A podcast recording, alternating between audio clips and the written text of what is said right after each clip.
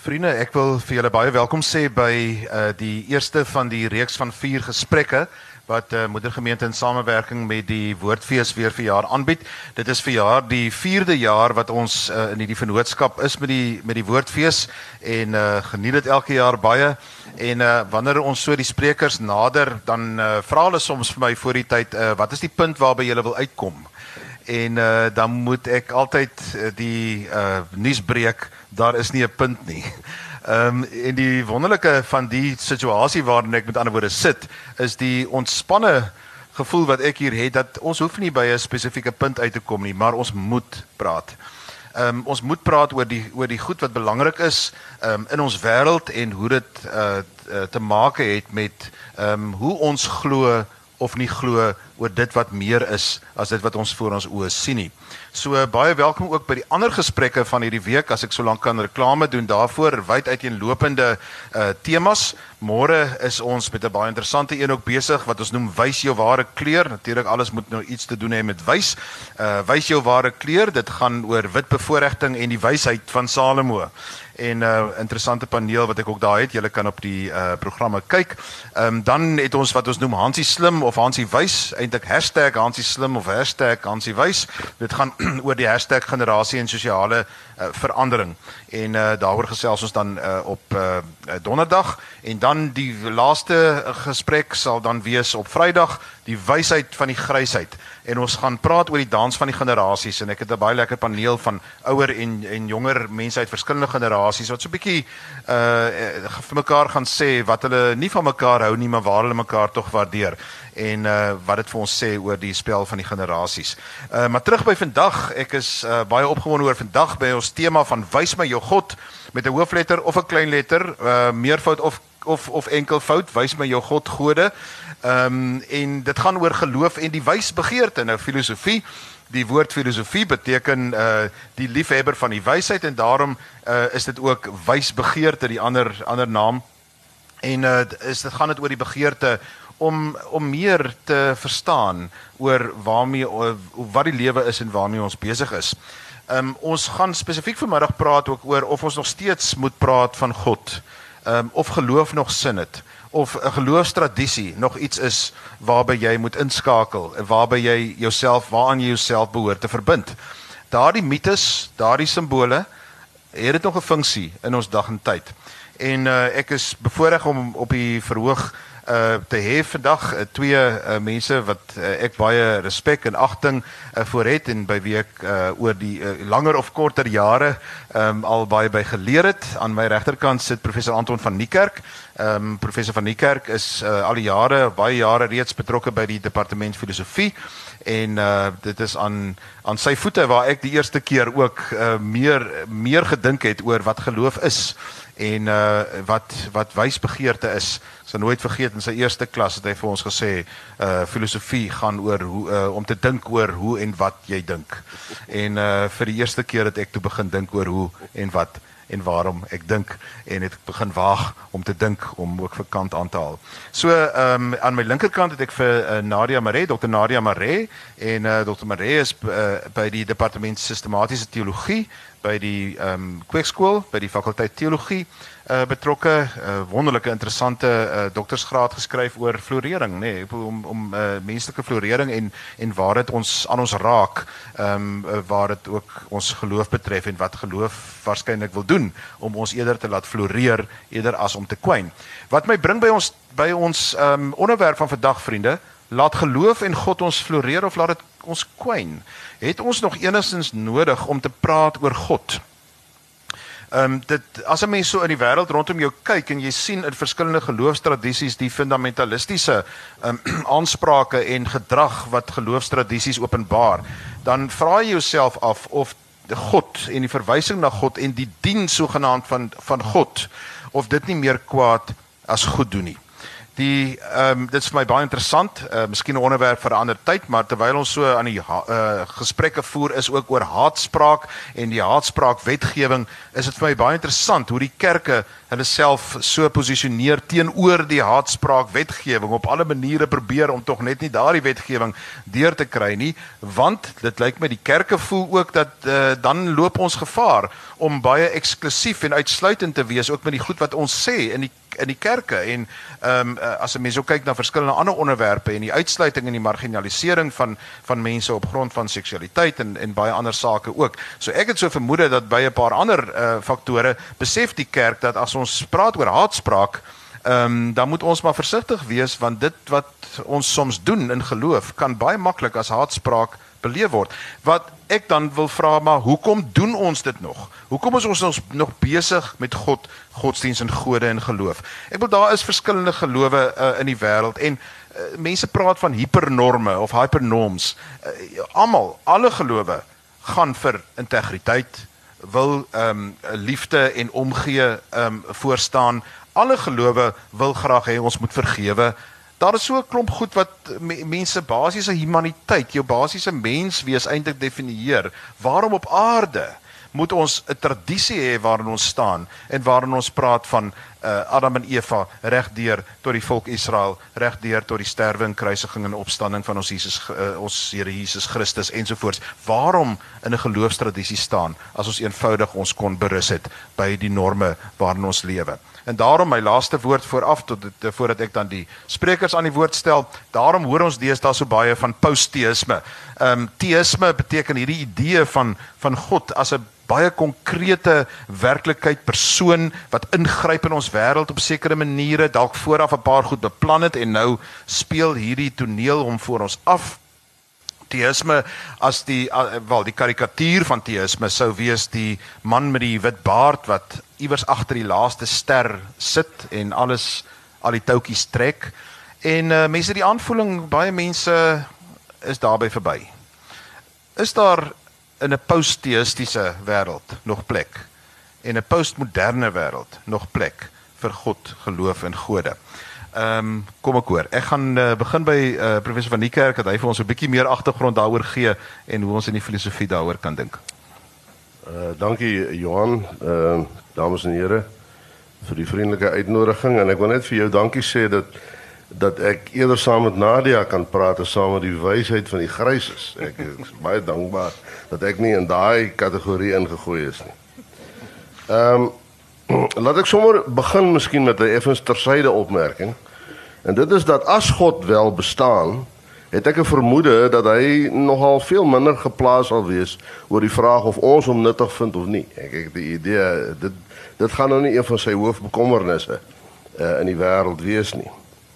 Die vraag of die begrip God en dit wat in die algemeen daarmee verwys word of dit nog van enige nut is in ons wêreld is nie 'n nuwe debat nie. Dit is 'n 'n debat wat in die 20ste eeu met name 'n uh, groot opwelling gehad het uh, in die 60er jare en staan bekend as die sogenaamde sekularisasie debat. Uh uh secular is die is die een latynse woord vir vir wêreld, né? Nee, is vir wêreld. Mundus is die ander een. Maar mundus is 'n is 'n plekwoord.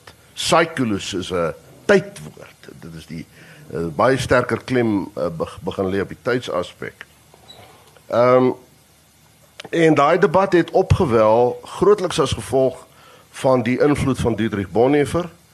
Uh maar ook in die naderdraai van die Tweede Wêreldoorlog en al die terrible dinge wat in die Tweede Wêreldoorlog gebeur het, né?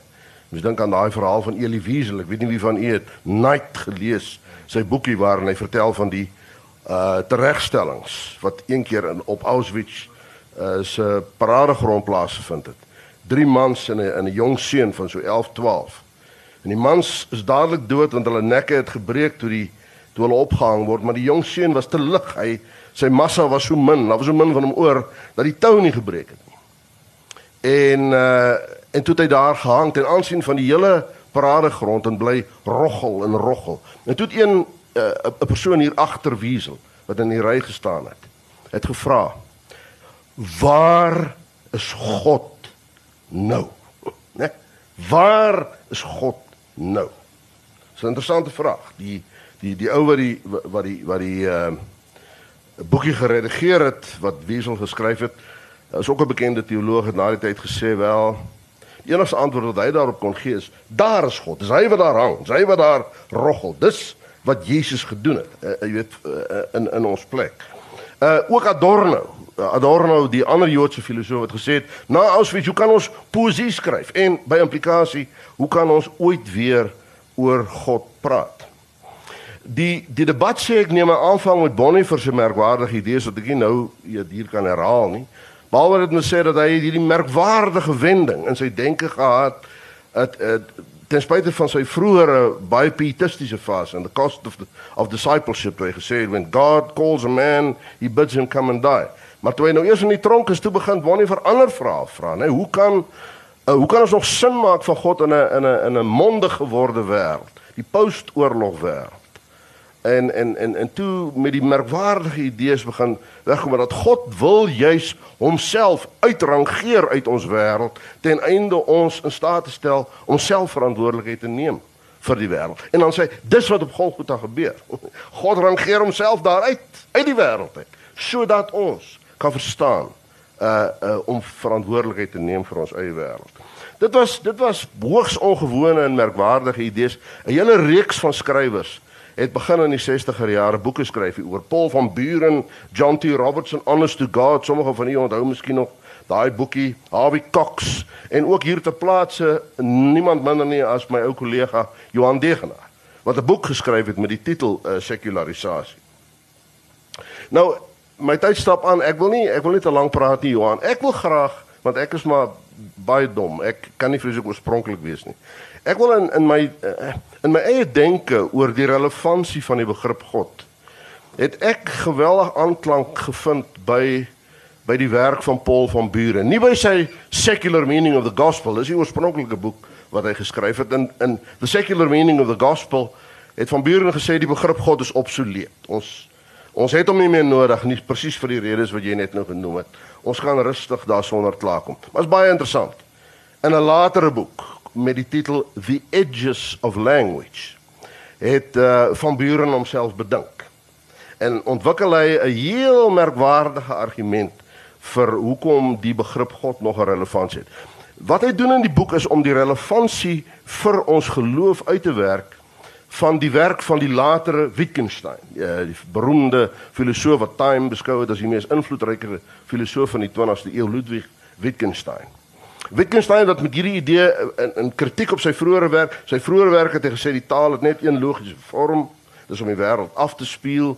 En dan dan kom hy in Posthume word sy Philosophical Investigations gepubliseer waarin hy sê die die die outeur van die traktaat is wat natuurlik hy self was was 'n totale gek. Hy het nie geweet waarvan hy praat nie. Dit is 'n totale ander storie. En dan kom hy dan voor met die idee van sogenaamde taalspele. Die feit dat dat daar in verskillende dimensies van die lewe verskillende sosiale forme is, elk met sy eie taal en dis nie die taak van die filosofie om vir een of vir ander van die te sê jy's reg of jy's verkeerd nie. Een van Wittgenstein se beroemde uitsprake is philosophy leaves everything as it is. philosophy leaves everything as it is. So die filosofie is daarom vir die wetenskap of vir die godsdiens of wie ook al te sê so moet jy praat nie. Die filosofie is geïnteresseerd om te hoor hoe praat hulle. Wat is die diskurs wat daar uh, aan die gang is? En so het jy verskillende taalspele, lewensforme vir die godsdiens, vir die wetenskap, vir die kunste en so meer. En die taak van die filosofie lê om te probeer uitfigure wat in daai diskourse uh aan die gang is. En dan en dan ontwikkel hy uh as dit nou gaan oor oor ons spreuke oor God, oor of daar nog enige relevantie. Dan ontwikkel hy die vir my pragtige beeld van wanneer ons taal gebruik, is dit asof ons beweeg op 'n reuse platform wat homself uitstrek oor 'n oor 'n oor 'n diep afgrond. Taal is om op daai platform te beweeg. Sekere ouens bly in die middel van die platform. Dis nou die wetenskaplikes en die alledaagse taalgebruikers. Daar is die reëls duidelik.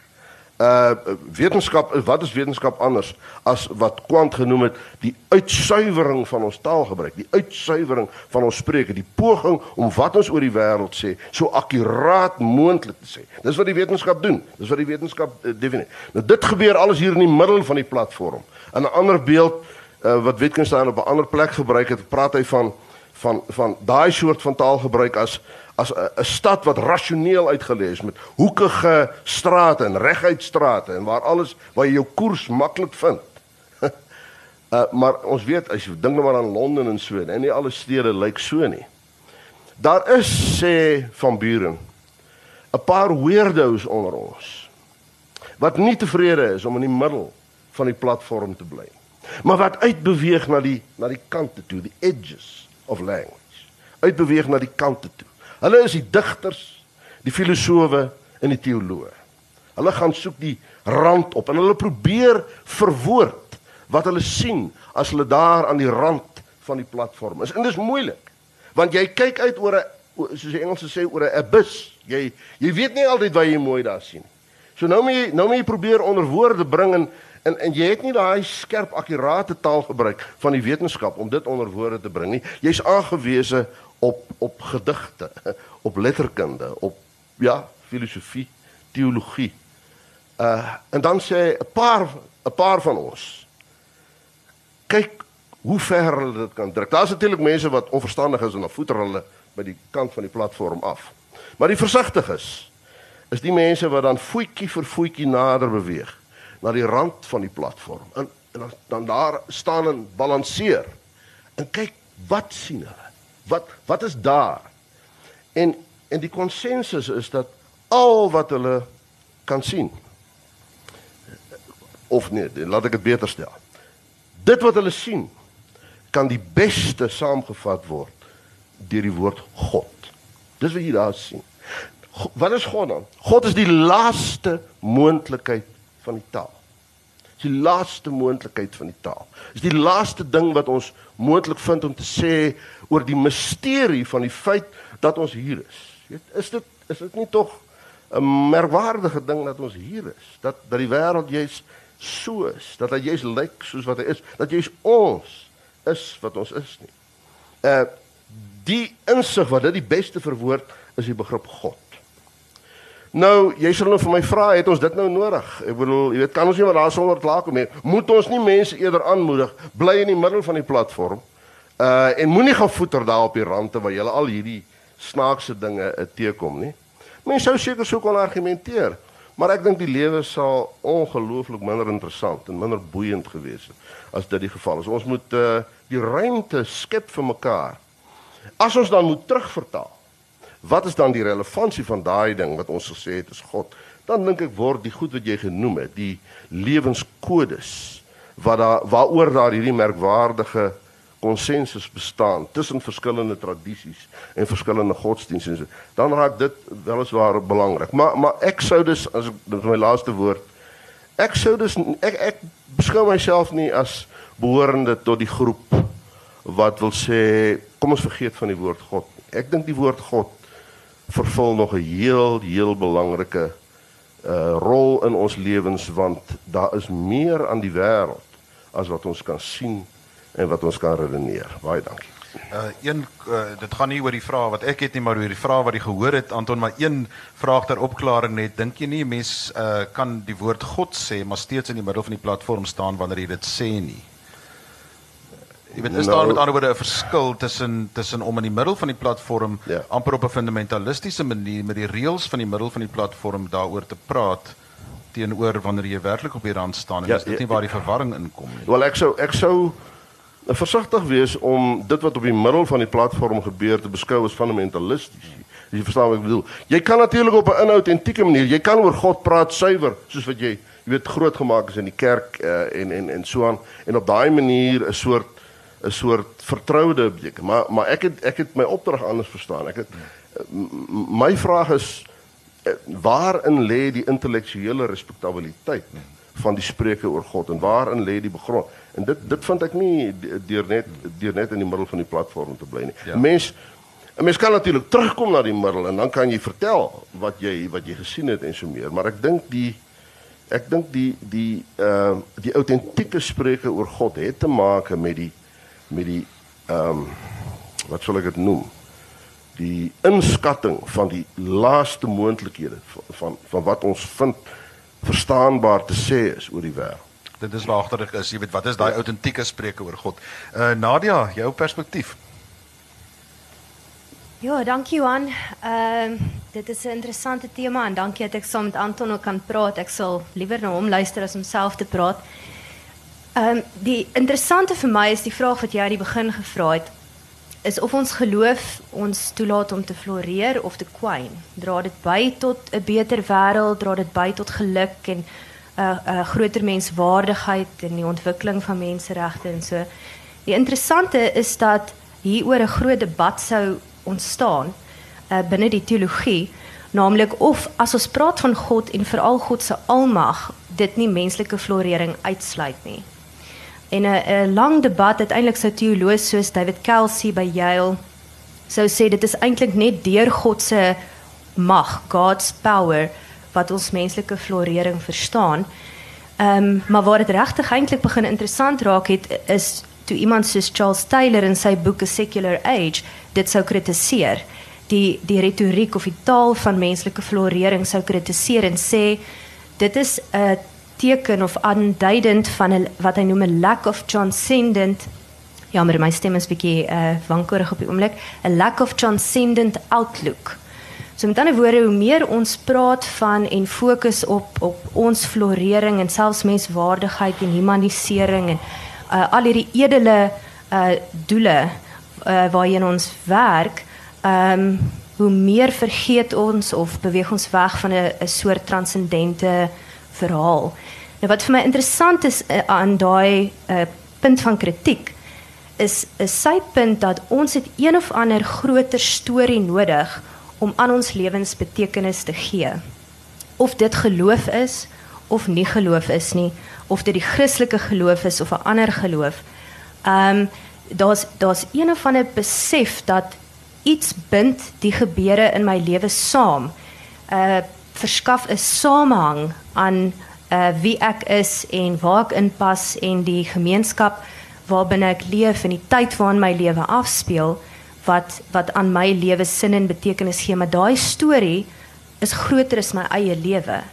Uh en en die oomblik wat ons so begin fokus op ons eie florering of op mense se vooruitgang en geluk en voorspoed en so uh en dit ontken ehm um, ondermyn ons ons eie projek met ander woorde die projek om na te dink oor geluk en oor the common good en dit is my interessante argument want uh in 'n sekere sin sou die vanuit daai argument 'n uh, reaksie op jou vraag kon wees ons het een of ander storie nodig een of ander groter verhaal transcendent outlook uh geloof gode om aan ons lewens betekenis te gee om sin te maak van ons wêreld um maar dit is natuurlik nie sonder sy sy donker kante nie.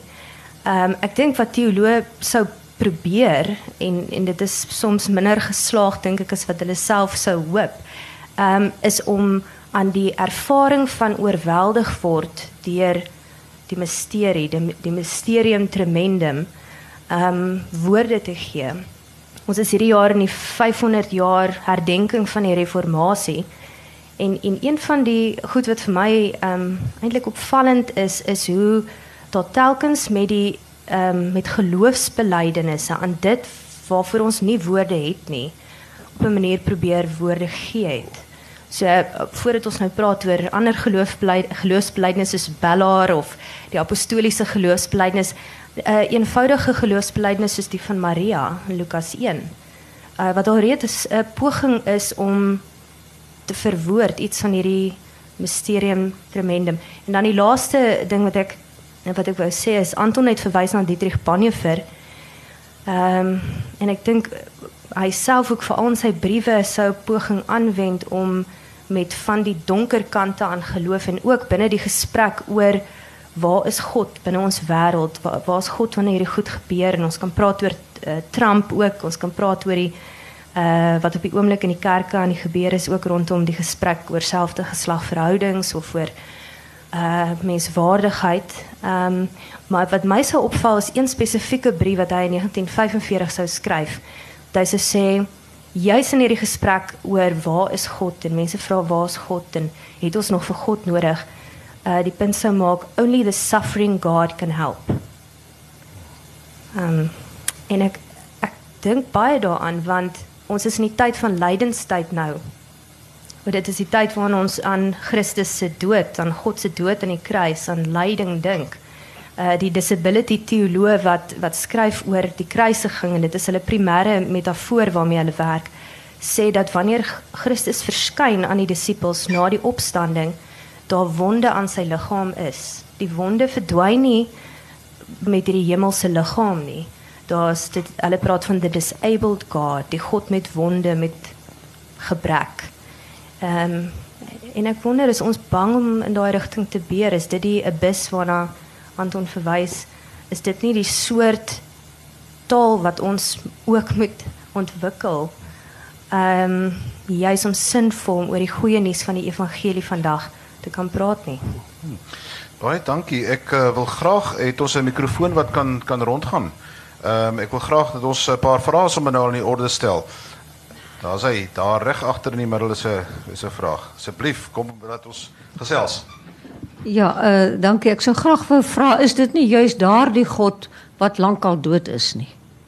Die floreer, die soek, die na die afstand uitreik, Anton. Is dit nie Kierkegaard se sprong in die onsekerheid by die grenssituasies waar die woord God na vore kom nie? Juis in die grenssituasies. Ek's 'n bietjie ongemaklik oor dat mens aktief soek en in die, in die middel bly of op die op die rand is. Ek is verbaas dat daardie God wat lankal dood is, tog 'n bietjie lewendig is vir oggend hier op die verhoog. Dankie. Kan ons dit vashou Anton, uh, gaan jy ek gaan so drie vrae neem en dan vir julle reaksie vra. Hiervoor is uh, twee hande. Kom ons kry gou dit asseblief hier reg voor en dan gaan ek sommer na die drie vrae en dan kan julle so 'n bietjie reageer die Here gaan meer as 3 vrae gelyk kan onthou nie. So kom ons hou dit by 3. Onderskat ons. ek was verskriklik bly. Kan julle my hoor? Ja. Ek was verskriklik bly toe hierdie dame gepraat het dat godsdienstmense ook kan laat kwyn. Ek was die lieflikste godsdienstige kind van die NG Kerk groot geword het. En toe gaan ek ehm um, na 'n Bible College by Kalkbaai wat ek het nie geweet hulle is fundamentalisties nie. Ek het niks anders geken as die NG Kerk nie. Tot vandag toe wil ek net asseblief nou vra dat julle vir ons fundamentalisme uh uh verduidelik want ek dink dit is hier wat uh, my lewe verskriklik begin kwyn het en ek tot vandag toe nie daarvan ontslaan nie. Hulle het vir ons vertel in daardie kerk en dit was toe die seefarer gestrand het in 66 en daar 'n half miljoen mense op die strand was. En dan kom ons in die aand by die Bybelskool, dan is daar 11 mense in die in die in die kapelletjie en dan sê hulle unless you accept see Jesus as your personal savior, you are going straight to hell. En wat meer nog, het is hierdie God wat hulle gehad het, die godskonsep het het jou uh, gepredestineer daarvoor. Nou dit het vir my in die absolute grootste depressie geland en ek kon myself nie daar uit nie want ehm um, God was in die NG Kerk so 'n wonderlike deel van my bestaan. En en uh um, ek wil graag hê ons ons moet asseblief sal julle vir ons sê wat beteken fundamentalisme en toe van alle goeie dinge. In 66 land ek op Stellenbosch met degenaar en en sekularisasie en bonwefer en gesprekke en mense. Dankie. Wat 'n wonderlike reis. Baie dankie. Daar's nog reg agter jou, reg agter jou. Johan van der Walt. Uh die beeld wat Anton gebruik het oor die platform is my verskeie indrukwekkende een. Die spesifisiteit van die taal in die middel en dan die uitbeweging na die rande toe waar daar 'n ander begrip kom. En dit klink vir my in ons huidige bedeling het die spesifisiteit in die middel gebly en die presisheid van die taal gebly, maar dit op die rande 'n kakofonie ontstaan het. 'n Deurmekaarspel van kerke wat 'n God bely, maar wat so deur mekaar praat en so teen mekaar praat dat geen mens, ek in elk geval, daar sin van kan maak nie. Miskien kan ons iets daaroor sê, is daar in daardie kakofonie wat ontstaan het en wat wat om ons afspeel op die oomblik in die huidige tydsgewig is daar sprake van 'n helderheid in ons eie kerk die teenstrydighede wat daar plaasvind die teenpratery die onpresisheid van taal is daar 'n hoop van duidelikheid van waar ons heen gaan. Baie dankie. Baie dankie. Uh julle kan so aandering gee vir uh, vir haar uh, as julle weer verdere vrae wil vra. Lyk my ons het drie vrae. Uh, daar was 'n vraag oor die onseker sprong uh wat 'n mens maak op die rand van van jou bestaan en wanneer uh, uh God dan daar sou lewe in die lewe nie. Ons het 'n vraag oor die fundamentalisme en die definisie daarvan en wat dit aan mens doen en wanneer dit mens laat kwyn. En ons het 'n vraag oor hoe spesifiek of kakofonies kan taal oor oor God wees en uh, wat is die spesifisiteit in die middel of op die kant en is die uh, kakofonie op die op die kant of of of in die middel. Anton wil jy eers? Kan ek uh, mag ek begin deur net uh, te sê oor fundamentalisme. Kyk, laat ons begin deur te sê in die naam van die Christendom en die Christelike geloof is daar al van die mees skrikwekkende goed in die geskiedenis aangeval. Jy weet, as jy nou dink aan die kruisvaartogte en aan die uh vervolging van mense en aan ek weet nie wat se soorte van dinge alsal gebeur het nie. So niemand uh, ek dink nie dit is 'n dispuut nie. Die die as jy my vra wat is fundamentalisme sou ek sê dit is die uh dit is die gebrek aan verstaan dat jou interpretasie van die Bybel is nie die enigste een nie. Dat jy dat jy praat nie namens God nie, né? Dat die Bybel en die tradisie is iets wat ons moet interpreteer. En daai interpretasie kan alleen plaasvind in die agtergrond van jou huidige omstandighede in die wêreld. Uh en in gesprek met sowel die vaders as die broeders of die uh, as jy dit te seksisties vind, die moeders en die susters.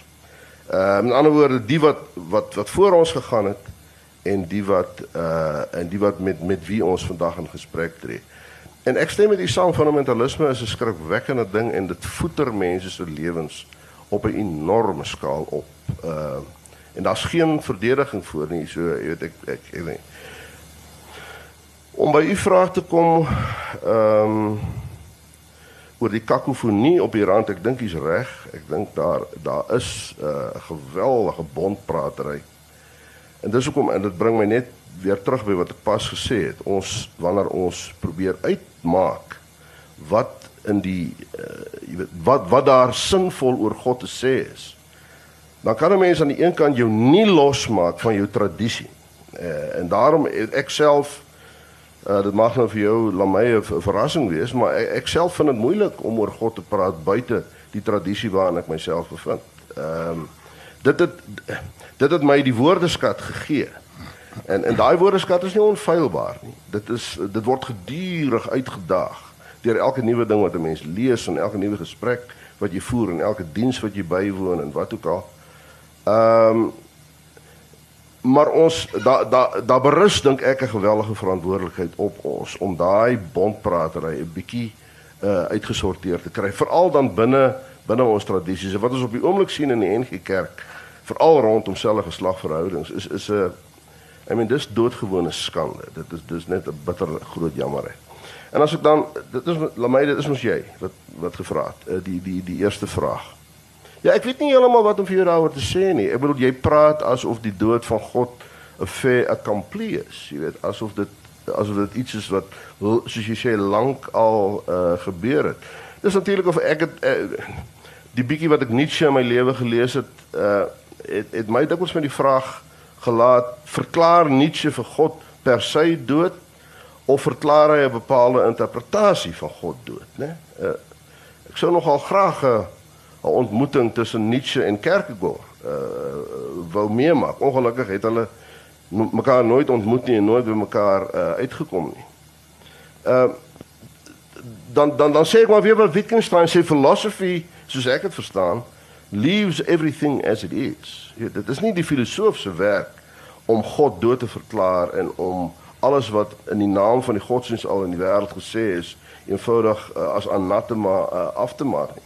Daar het 'n geweldige klomp daar is al 'n gewellige klomp onsin in die naam van die Christelike geloof kwyt geraak en daar is 'n gewellige klomp skade gedoen, maar dit geld nie net vir die godsdienst nie, dit geld ook vir die letterkunde, dit geld ook vir die wetenskap moet ek ongelukkig sê. Uh ons ons jy weet daar is lig en donker in die in die meeste van die dinge wat ons sê en wat ons doen en ek dink ons moet maar liewer probeer om die lig te soek. Nadia, ek weet nie waar by wil jy aansluit nie. Ek ek vind dit interessant wat jy gesê het oor dat ons 'n verhaal het waar volgens ons moet lewe en uh, na aanleiding van ons gesprekke oor fundamentaliste en fundamentalisme en wanneer kwyn ons en wanneer floreer ons wil ek ook amper in aansluiting vra kry mense goeie en slegte stories. Jy weet waar ons jou sal kan kan orienteer, maar jy is welkom om by enige van die vrae aan te sluit. Ja, dankie was Charles Taylor wat dit sê ek ek stem saam, maar ek meen hy die, die groot ehm um, autoriteit wat dit gesê het, maar ek het daar's drie goed wat ek gedink en dit is 'n ek dink ontsettende belangrike punt oor kwyn. Want die vraag is laat ons geloof ons toe om te floreer. Is die soort uh kerke en is die soort uh geloof wat ons leer en deel met mekaar is die soort geloofsgemeenskappe waarbinne ons is lewegewend. En as dit nie is nie, Hoe gee dit gestalte aan die goeie nuus van die evangelie? Aan God wat kies om mens te word uit liefde vir die wêreld. Hoe ek meen, hoe maak ons dan sin van hierdie verhaal wat ons vir onsself vertel?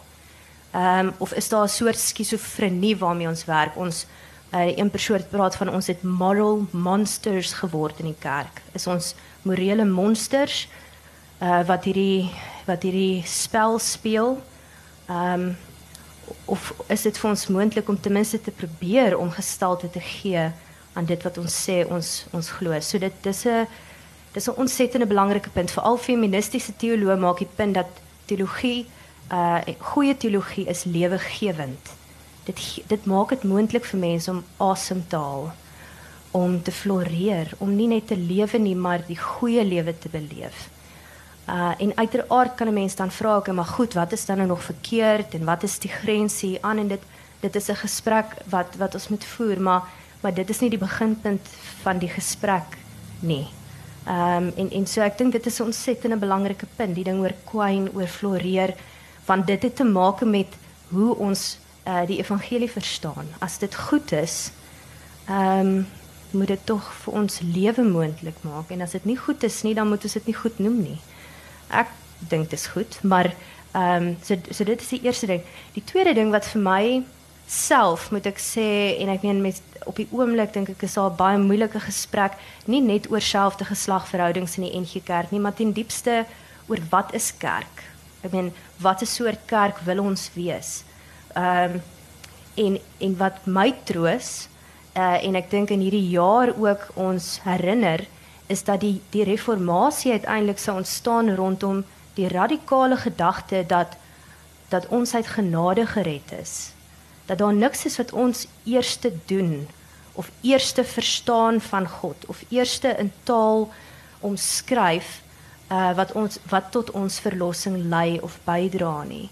Ek meen dit is interessant in die gesprek tussen die luterane en die gereformeerdes dit een van die kritiese punte wat die luterane ons die gereformeerde mense kritiseer. Hulle sê ons het ehm um, met regverdiging, met the doctrine of justification, die oortuiging dat God na ons wêreld kom. God neem die inisiatief. God kies ons. Uh God verlos ons. Het ons nie genoeg erns gemaak nie. Ons het onmiddellik begin om orde in die samelewing. As mens dink aan iemand soos Johannes Calvin, die groot kerkvader in Genève in Switserland onmiddellik orde in die samelewing, rol van die diakens, uh orde in die kerk, kerkorde, kerkreg. Onmiddellik het ons begin om hierdie goed te micromanage. Uh en ons het nie regtig die regverdigingsleer um verstaan nie. En dan die laaste ding wat ek wou sê is ek sal nou nie sê wie dit was nie, want hy is nie hier om vir homself te praat nie. Maar 'n persoon vir wie ek baie respek het, het verlede jaar in sy afskeidspreek uh die preek geëindig deur te sê ek skaam my nie vir die evangelie nie, maar ek skaam my vir die kerk. En ek dink wanneer ons praat oor geloof en oor gode en ons ons praat oor ook wat is goed en goeie teologie en lewegewend, ehm um, moet ons bietjie van 'n van 'n onderskeid maak. Moet ons eerlik wees en sê ons probeer, maar soms probeer ons nie hard genoeg nie. Of soms probeer ons ook hard genoeg, maar ons kry dit ons kry dit maar sleg reg. Ehm um, so ek dink daar's ook daar's ook 'n stuk eerlikheid wat wat nodig is. Kan ek net sê oor die dis interessant, die punt oor die spesifisiteit in die middel en die kakofonie op op die grense.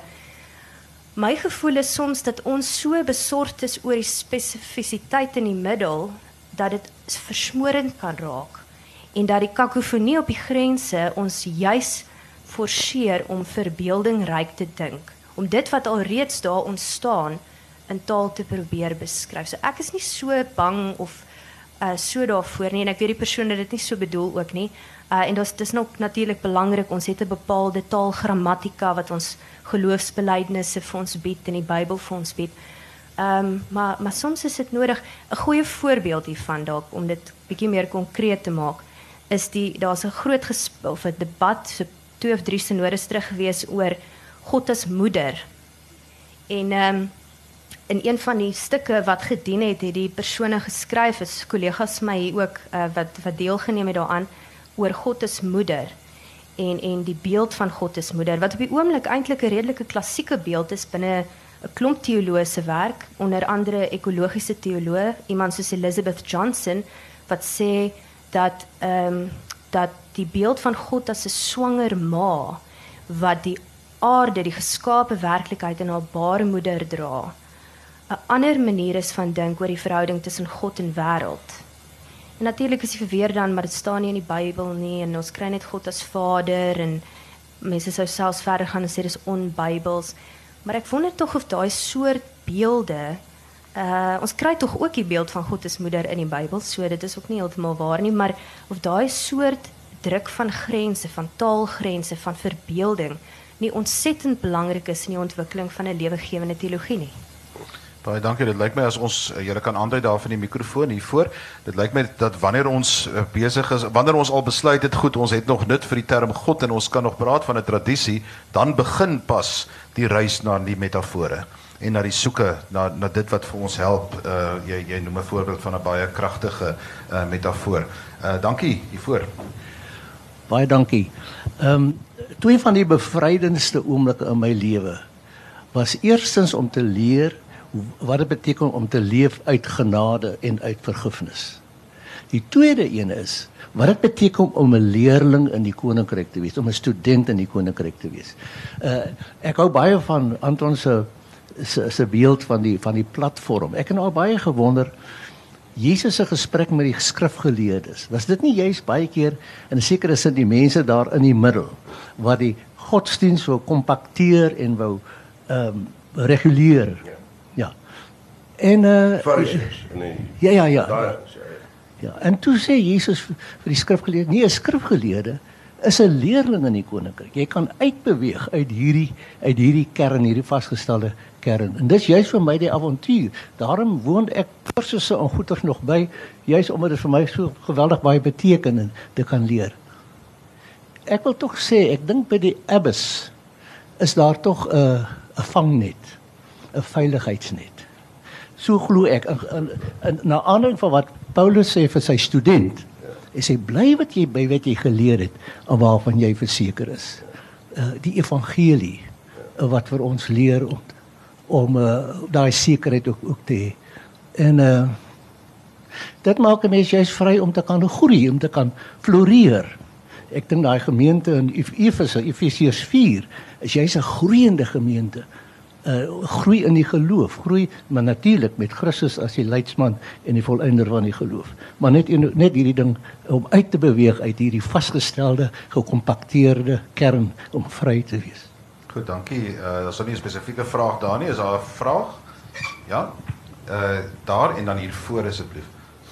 Dankie. Ja, dalk nie so 'n vraag nie, maar ek sou graag 'n kommentaar wil hoor. Jy weet, ehm uh, As 'n mens dink in terme van die die die mens en die gelowige mense denke oor God.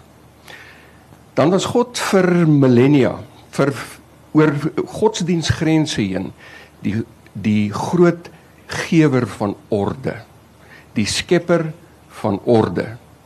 En daardie sekuriteit wat gebied word vir die mens om sin te maak van sy bestaan en van sy verstaan van homself en die wêreld waarin hy lewe. Dis een van die interessante dinge van die 21ste eeu is dat twee van die uh, van die groot opponente wil mense ampertjie sê in die godsdebat, naamlik die wetenskap suiwer natuurwetenskap aan die een kant en die teologie en die filosofie aan die ander kant besig is om mekaar al hoe meer en meer te vind waar die wetenskap hom besig hou met die kwantumfisika. Oftewel die skepping in sy subatomiese werking. En een van die dinge wat interessant is wat die kwantumfisika al hoe meer en meer uh opwerp is dat in die mense wetenskaplike soeke na die ordening van die van die skepping kom ons agter dat die skepping nie eintlik spreek van orde nie maar eerder van wanorde. Nie soos nie spreek van 'n sekerheid wat die mens op sy wetenskaplike paadjie het in ons tyd tot op op kwantumfisiese vlak uh, uiteindelik gaan uitbring by die groot sekerheid van die antwoord oor die bestaan van die mens nie maar dat dit ons uitbring by die punt van chaos daar is een ding waaroor die mens doodseker kan wees en dit is onsekerheid. Daar's een ding waar waarvan die mens doodseker kan wees en wat ons meer uitvind van die skepping en dit is chaos. En miskien bring dit ons daarby uit by daardie abyss waarvan Anton ook vroeër gepraat het dat ons kyk uit en ons sien maar God is nie regtig die God van orde nie. God is die God van chaos, van onsekerheid wat sê neem die sprong en jy sal uitvind waar jy inpas uiteindelik in hierdie skepping. Uh, baie dankie. Ehm um, ek gaan ek gaan net uh, hou net hou net vas Anton want ons het ons laaste uh, paar minute. Ehm um, ek moet so van 20 oor af klaar maak. So kan ek gehoor nog mense wat spesifieke vrae wil vra. Ons het nou menings gehad waarop die paneel kan reageer. Hiervoor was 'n uh, was 'n opmerking. Hou dit maar kort en kyk of ons 'n vraag daai kan kry asseblief. Kan ek vra hoekom ons so argloos praat oor die godskonsep?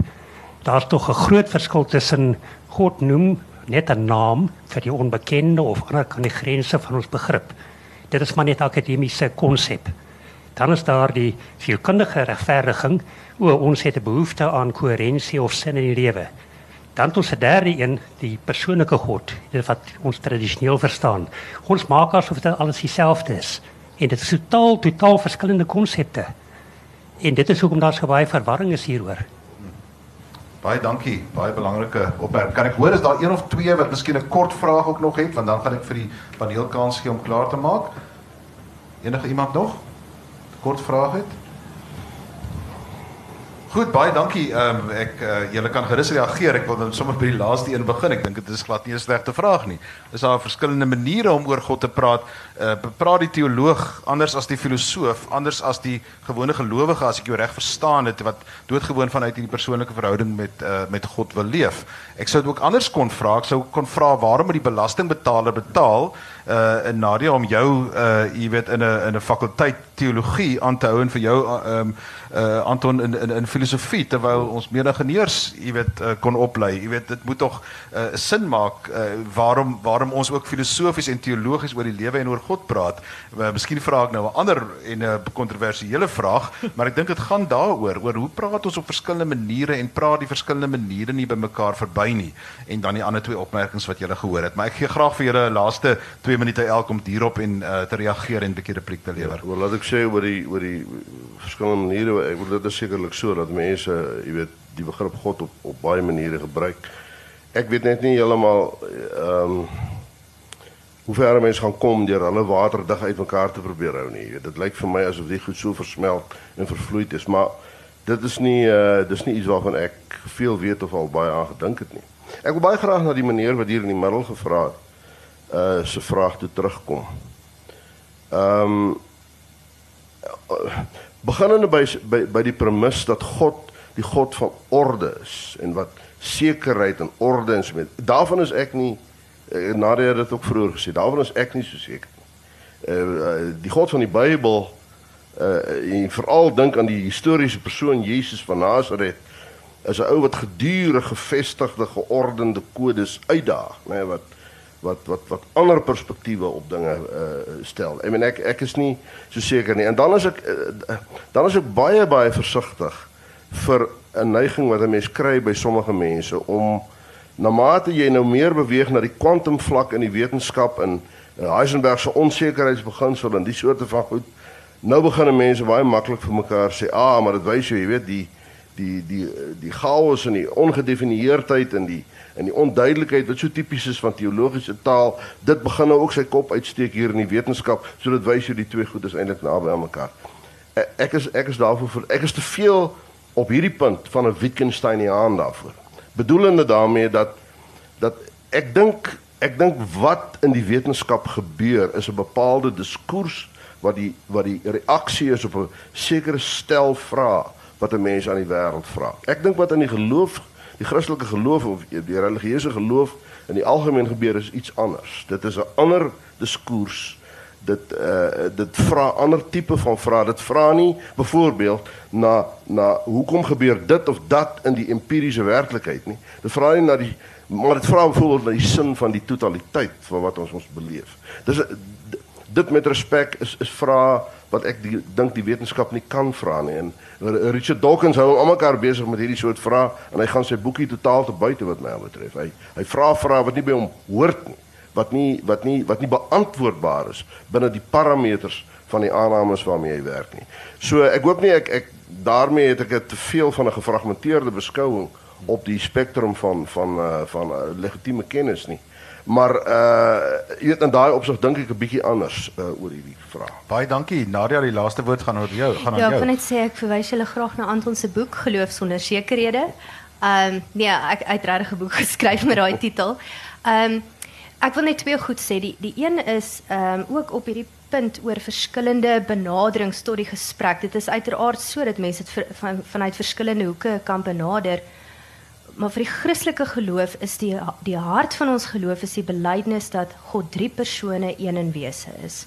Drie die Triniteit en die belydenis dat God Vader, Seun en Heilige Gees is. Uh dit is so, dit is persoonlik en maar dit is gemeenskap, dit is um, en en dit roep meer vrae op. Dit maak dit juis nie makliker vir ons om te praat oor God nie, want wat beteken dit? Wat gebeur wanneer Christus byvoorbeeld sterf aan die kruis?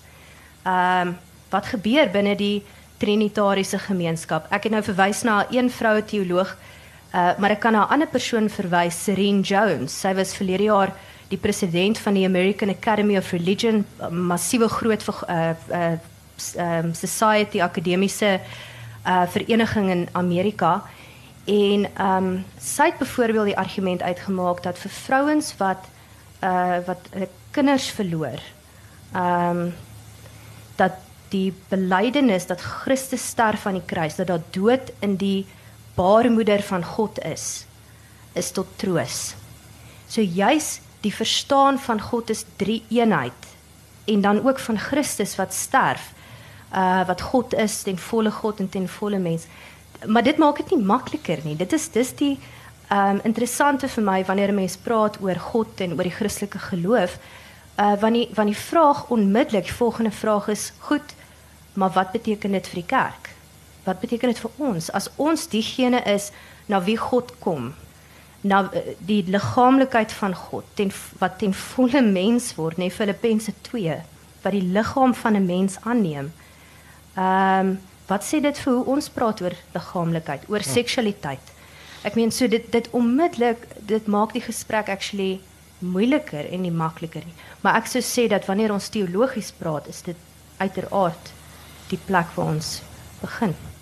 Baie dankie uh aan my twee sprekers. Dit lyk my uh vriende dat ons het tot wel daarom min of meer tot twee gevolgtrekkings gekom. Die een is dat daar 'n surplus van betekenis in die lewe is uh waar taal nie heeltemal kan uitkom nie en dat ons nie klaar is met die gebruik van die woord God wanneer ons oor die surplus van die lewe praat nie en wat van betekenis praat nie. Ook het ons gesê dat daar 'n uh, lewe is wat floreer en lewe wat kwyn en dat daar narratiewe is of stories of tradisies wat ons meer help floreer en ander wat ons laat kwyn. Uh ek wil nou amper sê soos Judge Davis, watter een van die twee? Judge for yourself. Uh maar daar gaan ons die gesprek laat eers vriende en uh mag jy vandag 'n lewe leef wat uh op die rand van betekenis gaan sodat jy iets van daardie floreer uh kan beleef. Môre gesels ons oor heeltemal iets anders. Ek sien hopelik die meeste van julle weer hier môre 12uur wanneer ons praat oor wit bevoordiging en die wysheid van Salomo. Baie dankie dat julle hier was.